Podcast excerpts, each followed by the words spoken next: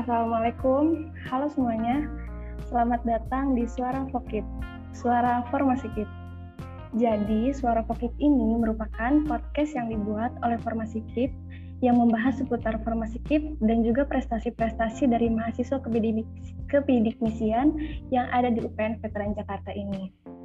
Sebelumnya perkenalkan, nama aku Nadia Sahida dari jurusan S1 Keperawatan Fakultas Ilmu Kesehatan Angkatan 2020. Nah, di sini aku nggak sendirian nih, aku ditemani sama teman aku yaitu Ica. Halo Ica.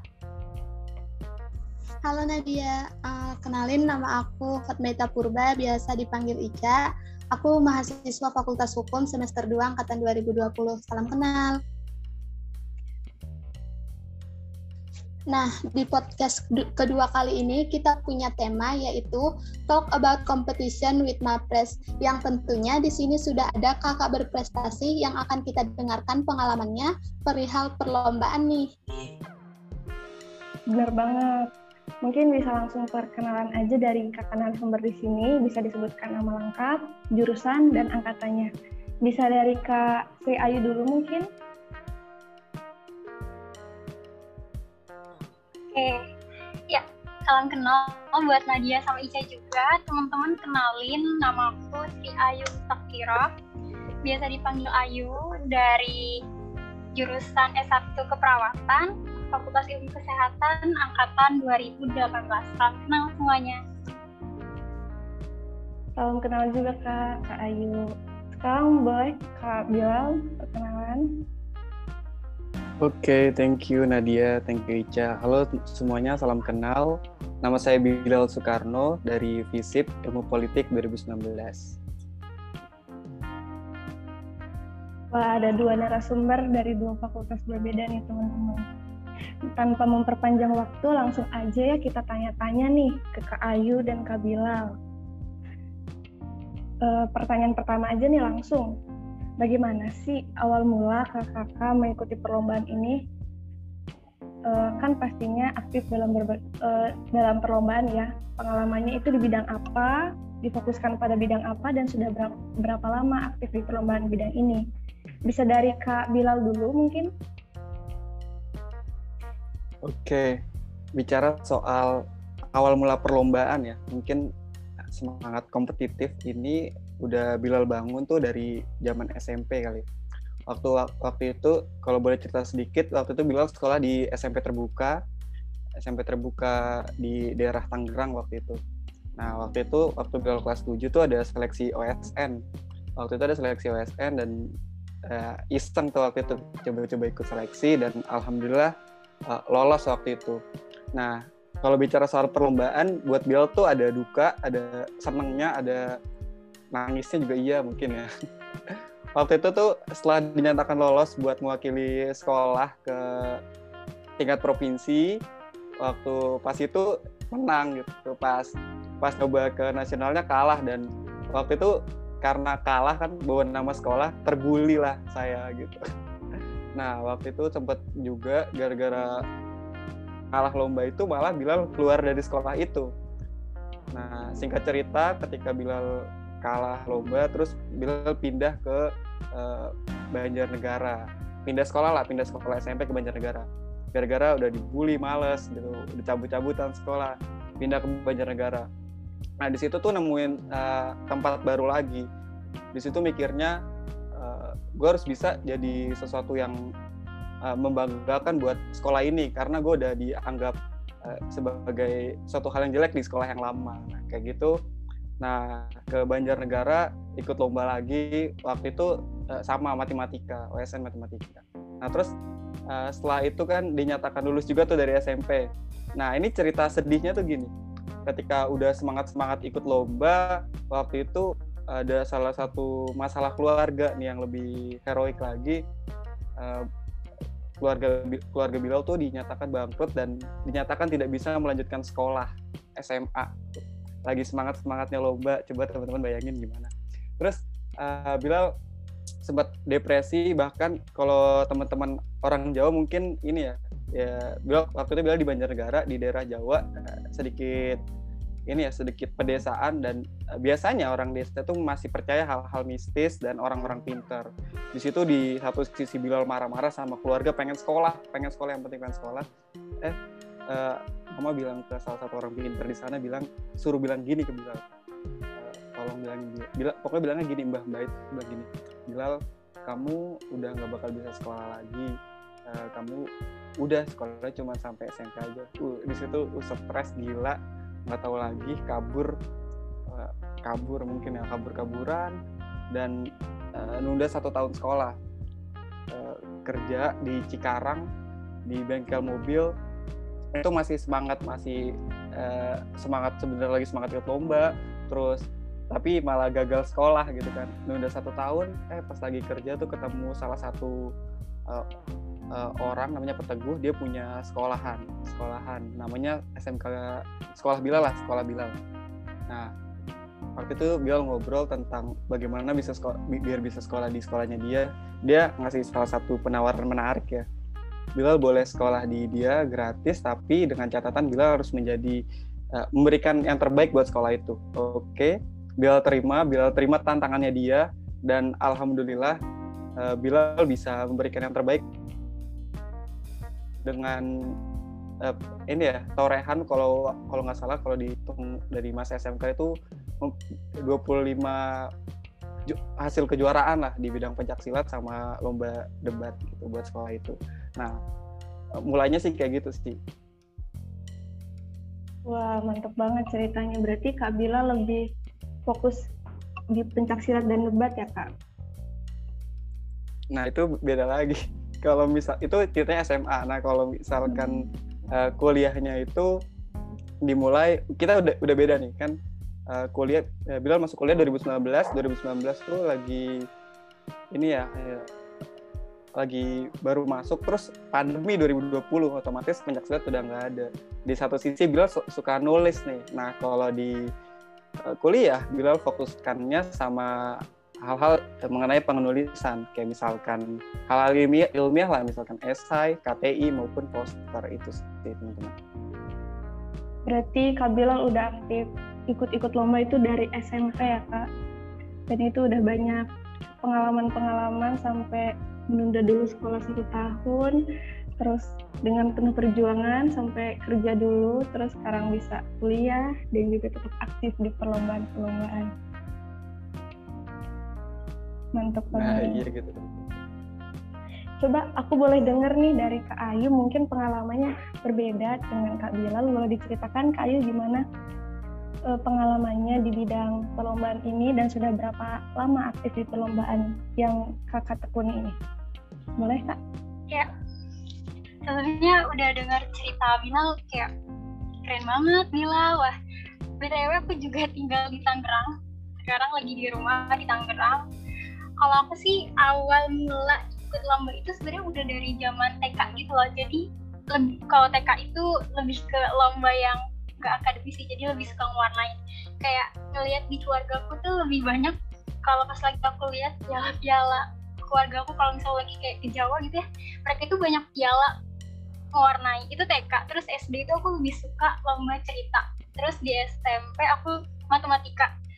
Terus di SMA aku nyobain astronomi karena matematika itu udah banyak banget orang yang ikut dan aku nggak bisa survive gitu loh. Jadi milih astronomi. Dan di kuliah aku pertama-tama itu pas lagi maba nyoba-nyoba PKM diajakin sama Katin gitu kan. Ayo coba PKM gitu. Tapi aku belum pernah lolos nih maksudnya ya dan berharap di tahun ini bisa lolos.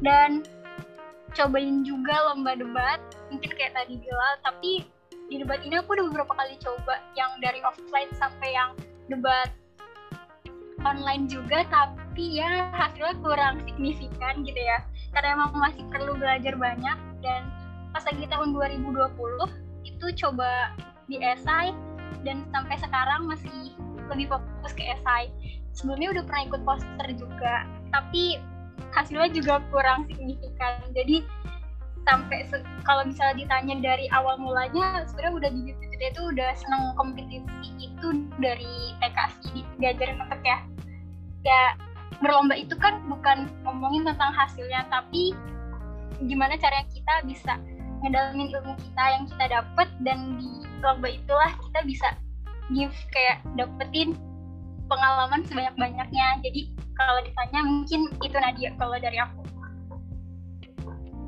Terima kasih. Iya Kak Ayu. Berarti Kak Ayu juga udah banyak juga dari TK Emang TK itu banyak banget ya perlombanya mewarnai, menggambar, nari, banyak banget. Aku juga waktu itu TK uh, eh, pasti ada aja lomba buat anak-anak TK. Terus selanjutnya nih, ada pertanyaan yang akan diajukan oleh Ica. Boleh, Cak? Oke, uh, jadi kalau kita nangkep dari cerita Bang Bilal sama Kak Ayu tadi itu, uh, ternyata kita bisa nangkep kalau kesuksesan kakak-kakak sekarang ini ternyata ada juga kegagalan-kegagalan yang dialami nggak langsung bisa sukses gitu. Keren banget sih. Nah kalau aku nih kak mau nanya motivasi apa sih yang ditanamkan agar bisa terus konsisten mengikuti bahkan menjuarai perlombaan? Ini bisa mungkin bisa dimulai dari kak Bilal dulu ya kak. Oke, okay, thank you Ica motivasi terbesar mengikuti perlombaan. Mungkin ini juga menjadi salah, satu motivasi terbesar dalam hidup kali ya. Bilal selalu apa ya mempunyai misi balas dendam. Serem.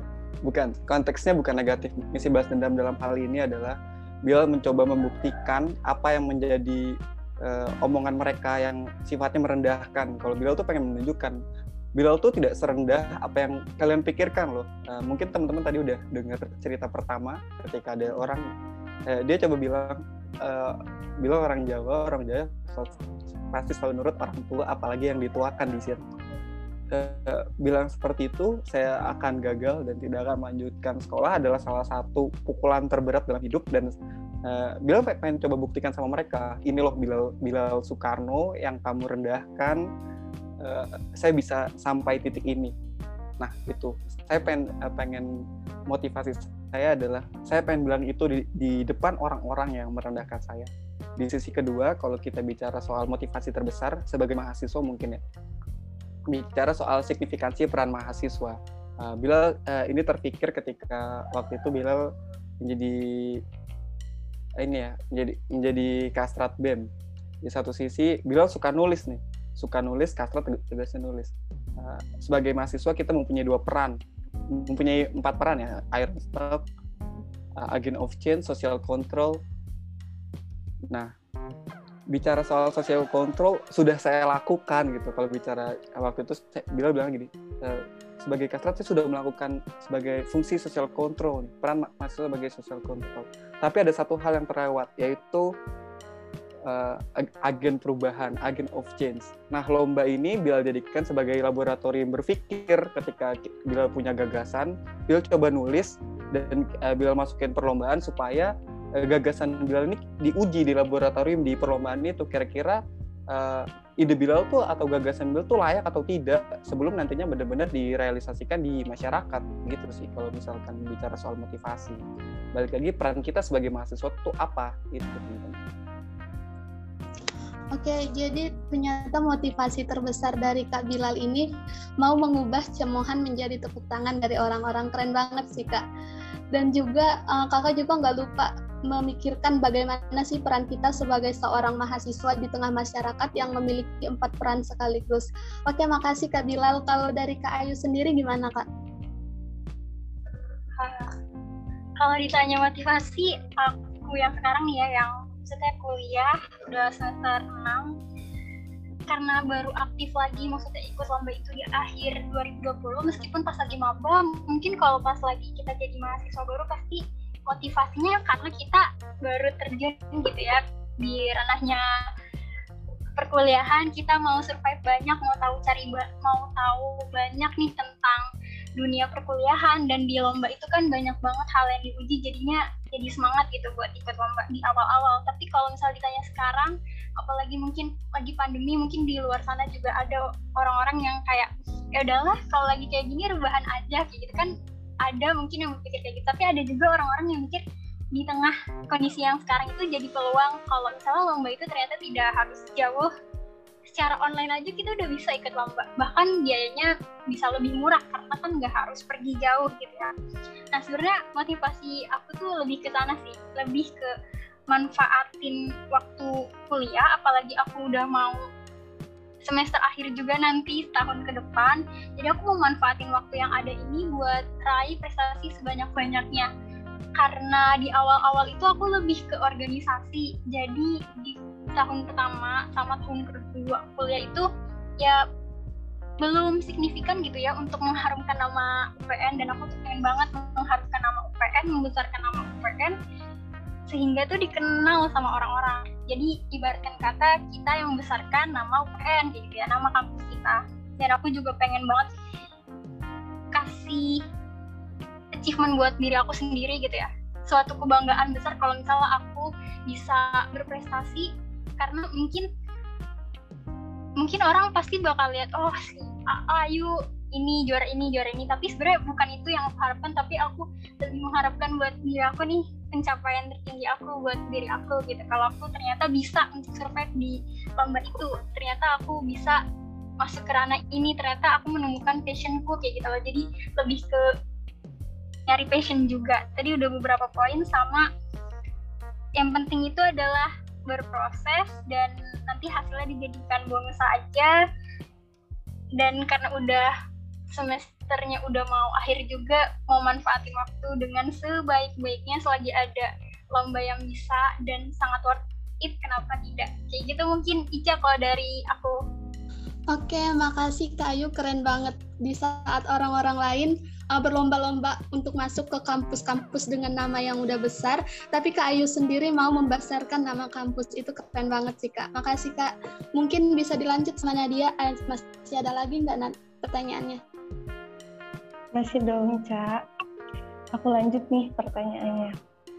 Kan pastinya tadi sudah udah diceritain ya, baik Kak Ayu maupun Kak Bilal itu ikut organisasi.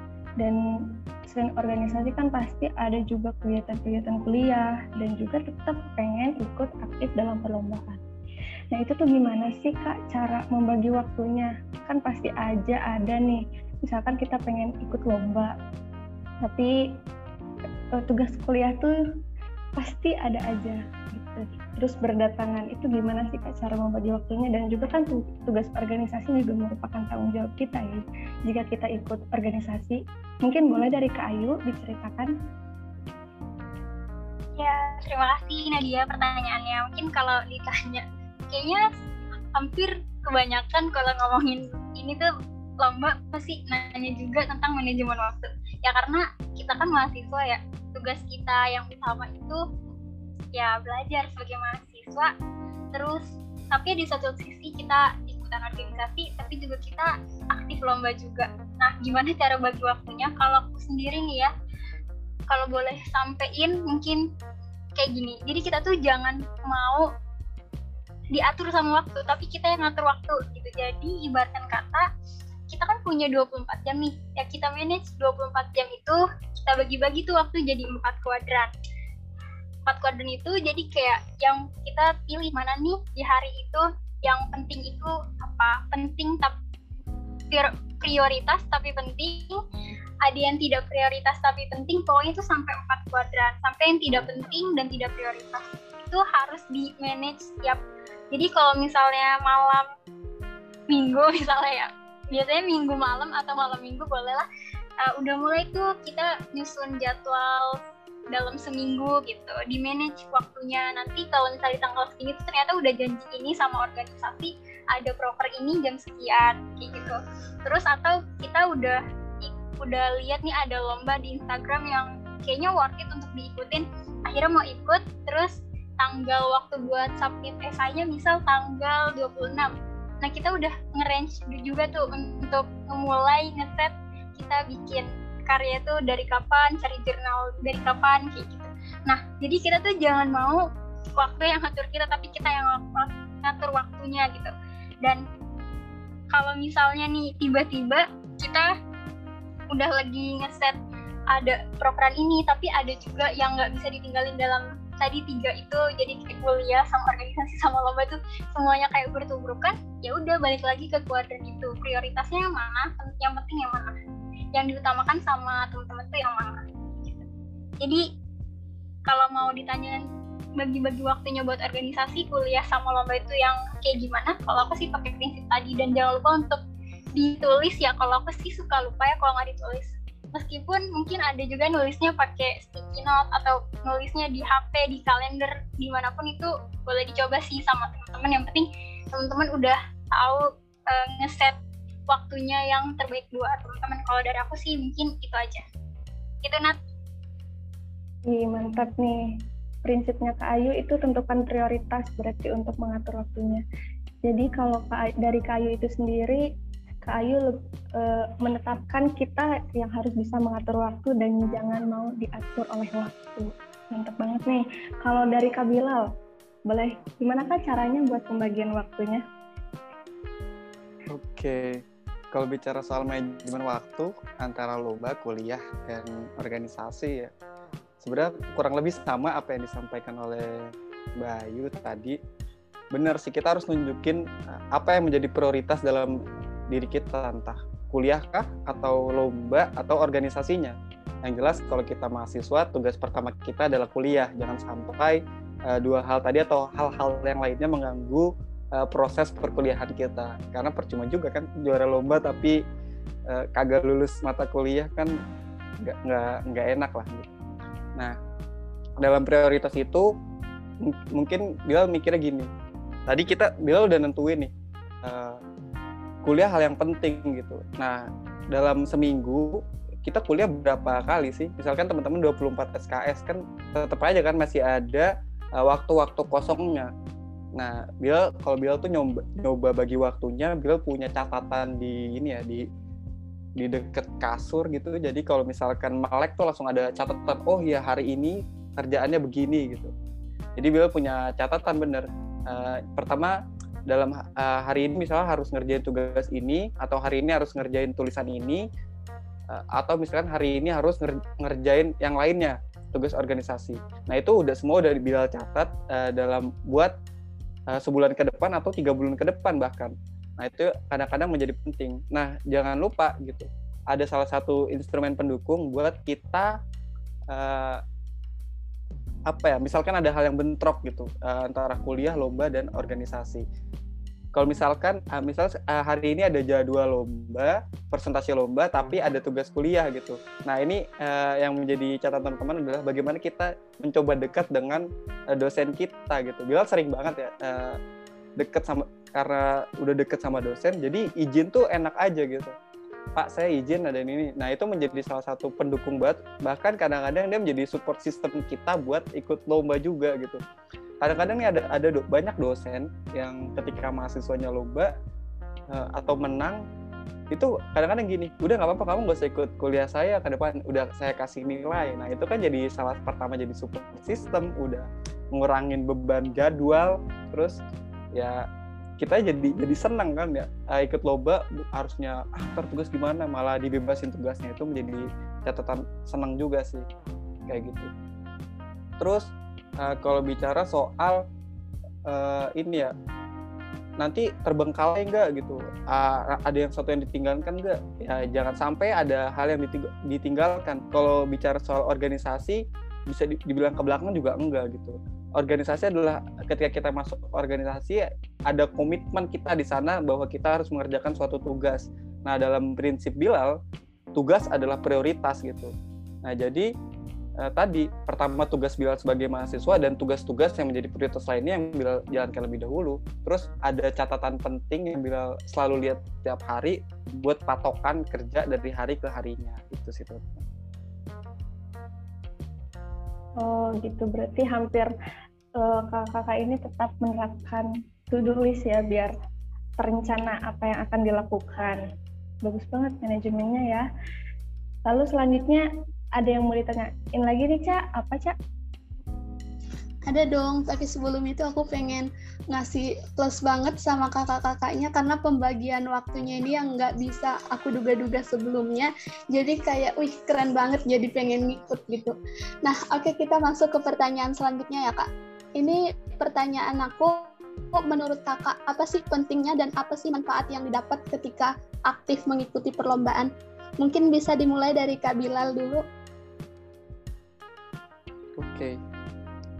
Bicara tentang pentingnya atau manfaat ketika kita mengikuti perlombaan. Yang pertama, uh, tadi udah disinggung sama Kayu, lomba ini menjadi salah satu nilai tambah kita ya. Pertama, numbuhin jiwa kompetitif. Uh, kita bicara soal ini, berapa sih berapa ratus ribu lulusan sarjana ketika teman-teman lulus berapa ratus ribu angkatan teman-teman uh, ketika teman-teman diwisudakan gitu. Nah, lomba ini menjadi salah satu nilai tambah teman-teman ketika teman-teman berhasil, berhasil uh, menjuarai suatu perlombaan, artinya teman-teman berada selangkah lebih maju dari lulusan-lulusan yang lainnya. Terus kalau kita bicara soal uh, rekrutmen perusahaan, kita bicara soal penerimaan beasiswa. Rata-rata uh, teman-teman yang pernah atau berhasil menjuarai perlombaan menjadi salah satu nilai tambah nilai jual teman-teman itu di sana gitu Nah, yang pertama, yang kedua kalau manfaat dari Bilal, uh, Bilal jurusannya ilmu politik gitu. Kadang-kadang uh, kita hanya belajar teori, merealisasikan merealisasikan di mana? Ya di perlombaan gitu. Yang tadi Bilal bilang di awal, itu laboratorium. Lomba itu laboratorium, jadi kita manfaatkanlah laboratorium itu supaya uh, gagasan kita diterima. Kadang-kadang kan kalau kita bicara soal perlombaan KTI misalnya, Eh, KTI ketika teman-teman berhasil menjuarai lomba ada beberapa beberapa penyelenggara yang nantinya tulisan teman-teman bakal dipublikasi jurnal gitu. Nah, teman-teman harus tahu publikasi jurnal itu kalau tidak didanai itu cukup mahal gitu. Jadi uh, Bila mencoba memanfa memanfaatkan lomba sebagai sarana publikasi jurnal juga gitu tuh supaya di satu sisi mengurangi biaya, terus uh, nilai jual kita ada di sana itu sih. Oke, berarti dari Kak Bilal kayak gitu, misalnya nulis KTI atau apa, dan kita punya gagasan itu nggak cukup cuman kita pikirkan aja, tapi harus dituangkan. Dan man, selain manfaatnya menambah nilai jual kita, gagasan atau ide kita bisa diterima juga di masyarakat luas gitu. Oke, makasih Kak. Kalau dari Kak Ayu gimana nih Kak? Ya, kalau ditanya aja tentang pentingnya dan manfaat itu mungkin banyak banget ya, banyak banget dari yang pertama aku tuh sadar setelah ikut lomba bahwa ternyata banyak banget ya orang-orang hebat di luar sana. Bahkan di sini ada gue yang udah banyak menangin achievement tadi. Ini mungkin ini dalam ranah UPN gitu ya. Gimana coba kalau kita melihat dari sudut pandang tadi di Indonesia? Bayangin berapa banyak orang hebat di luar sana yang mungkin kalau di kompetisi kita tuh baru baru bisa ketemu mereka ya di kompetisi gitu. Kayak kemarin tadi barusan banget jam berapa ya? Jam 8 itu aku habis presentasi lomba.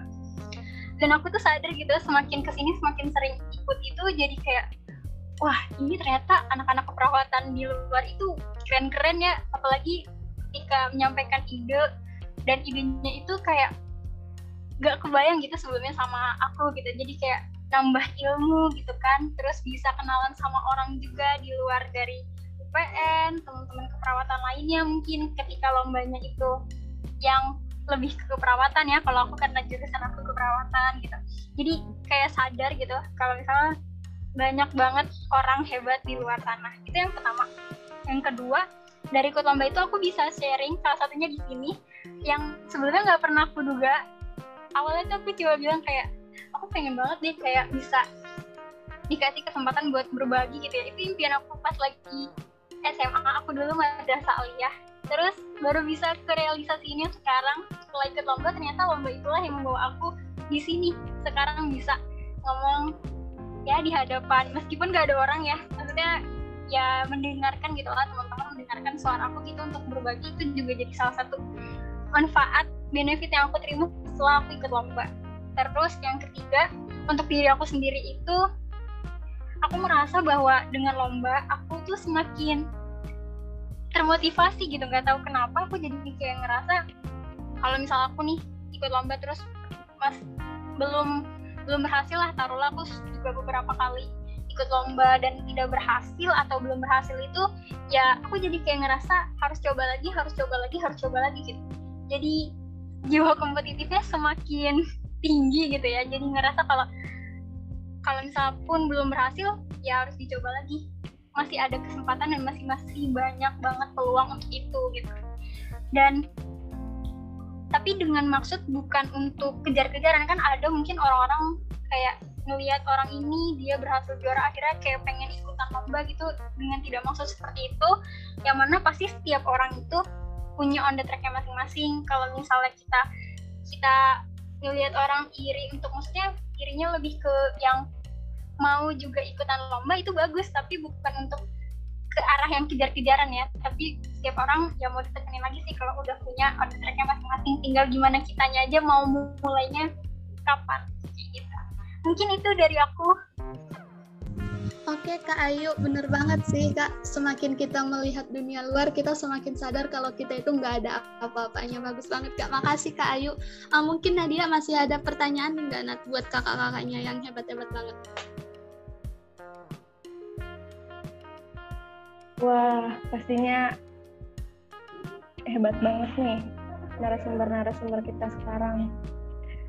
Uh, tapi karena berhubung waktu kita sebentar lagi akan berakhir, maka aku untuk penutup, aku mau meminta kakak narasumber ini untuk memberikan saran buat para pendengar podcast kita nih, agar selalu percaya diri dalam mengikuti setiap perlombaan kan kadang tuh kalau misalkan mau ikut lomba, sebenarnya pengen ikut lomba, cuman nggak pede karena, duh takut kalah.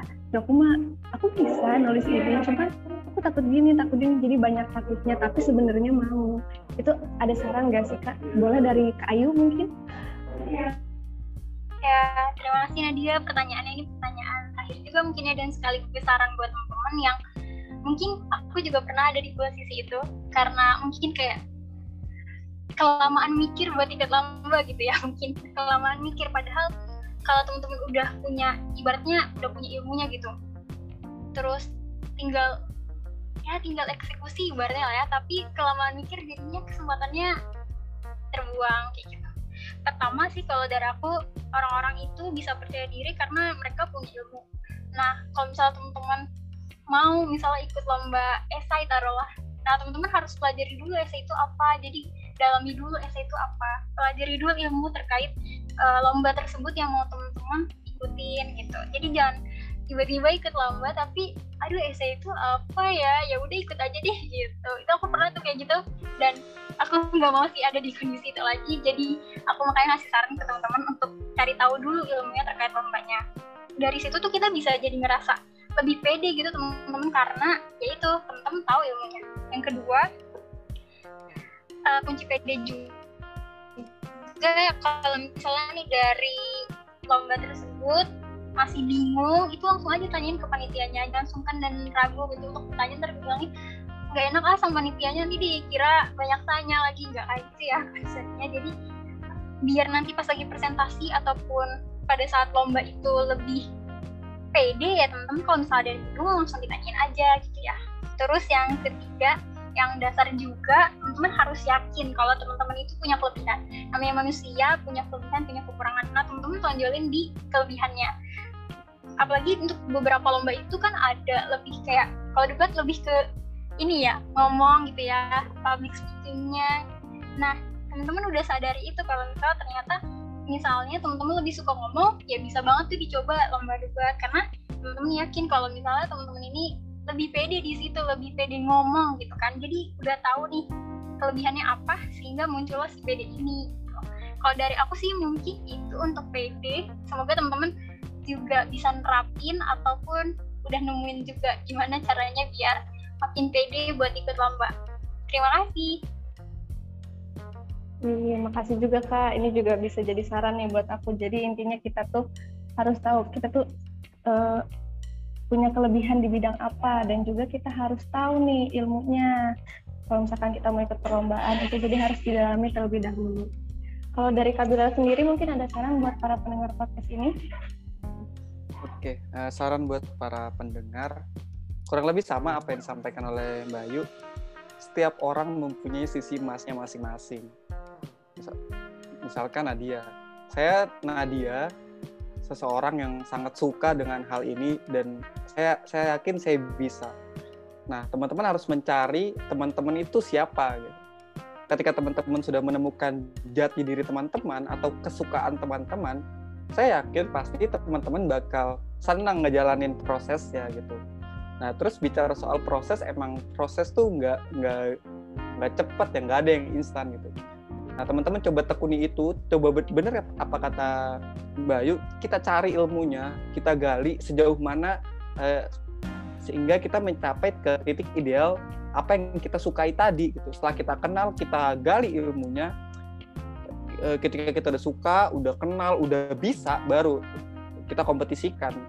Kira-kira, nah pas kompetisi juga targetnya bukan langsung menang gitu itu masih ada sebuah proses yang panjang gitu. Eh, sampai nanti ketika teman-teman mengikuti lomba teman-teman udah wah udah udah pede banget nih. Nah itu pasti sih.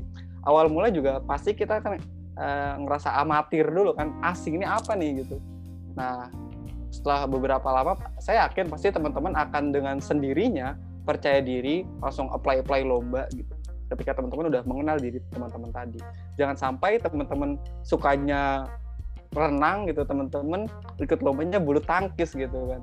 Atau ternyata bakatnya bakat tinju teman-teman teman-teman malah ikutnya lomba menulis gitu. Nah itu kan uh, nggak salah tapi teman-teman mau belajar sampai sana atau enggak gitu. Ya, teman-teman bosan nggak belajar sampai sana kan gitu kita harus bicara soal apa yang menjadi faktor emas dalam diri kita kita cari dulu itu sih teman-teman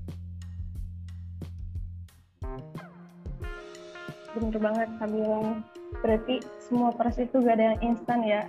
Harus dari awal dulu kita kenali dulu apa yang kita miliki gitu. Dan juga pastinya harus tetap ada kemauan dari diri kita. Nah gimana nih Cak? Kalau dari aku nih abis denger motivasi dari kakak-kakaknya ini jadi termotivasi banget dan semoga teman-teman yang mendengarkan podcast kita kali ini bisa ikutan termotivasi dan mungkin mau mengikuti berbagai lomba dan bisa mengenali dirinya lebih baik lagi. Gitu sih kalau dari aku. Gimana Nat? Amin, semoga ya semoga termotivasi dari mendengarkan podcast terkait perlombaan ini dan karena durasi kita sebentar lagi akan berakhir, berakhir kita tutup saja ya podcast kedua ini yang bertemakan Talk About Competition with Mapres. Makasih banyak buat Kak Bilal dan Kak Ayu yang udah menyempatkan hadir sebagai pembicara dalam podcast kali ini meskipun maaf banget ganggu waktu weekendnya harus jadi harus mengisi di acara kami. Semoga kita bisa berbincang-bincang lagi di lain waktu ya Kak. Oke, terima kasih banyak Nadia, Ica, Mbak Ayu. Iya, salam kenal juga dan terima kasih ya buat kesempatannya. Iya kak, sama-sama. Dan juga kami ucapkan makasih kepada pendengar setia suara Fokif di mana pun kalian berada. Aku tutup dengan wassalamualaikum warahmatullahi wabarakatuh. Terima kasih. Salam. Kasih tuh.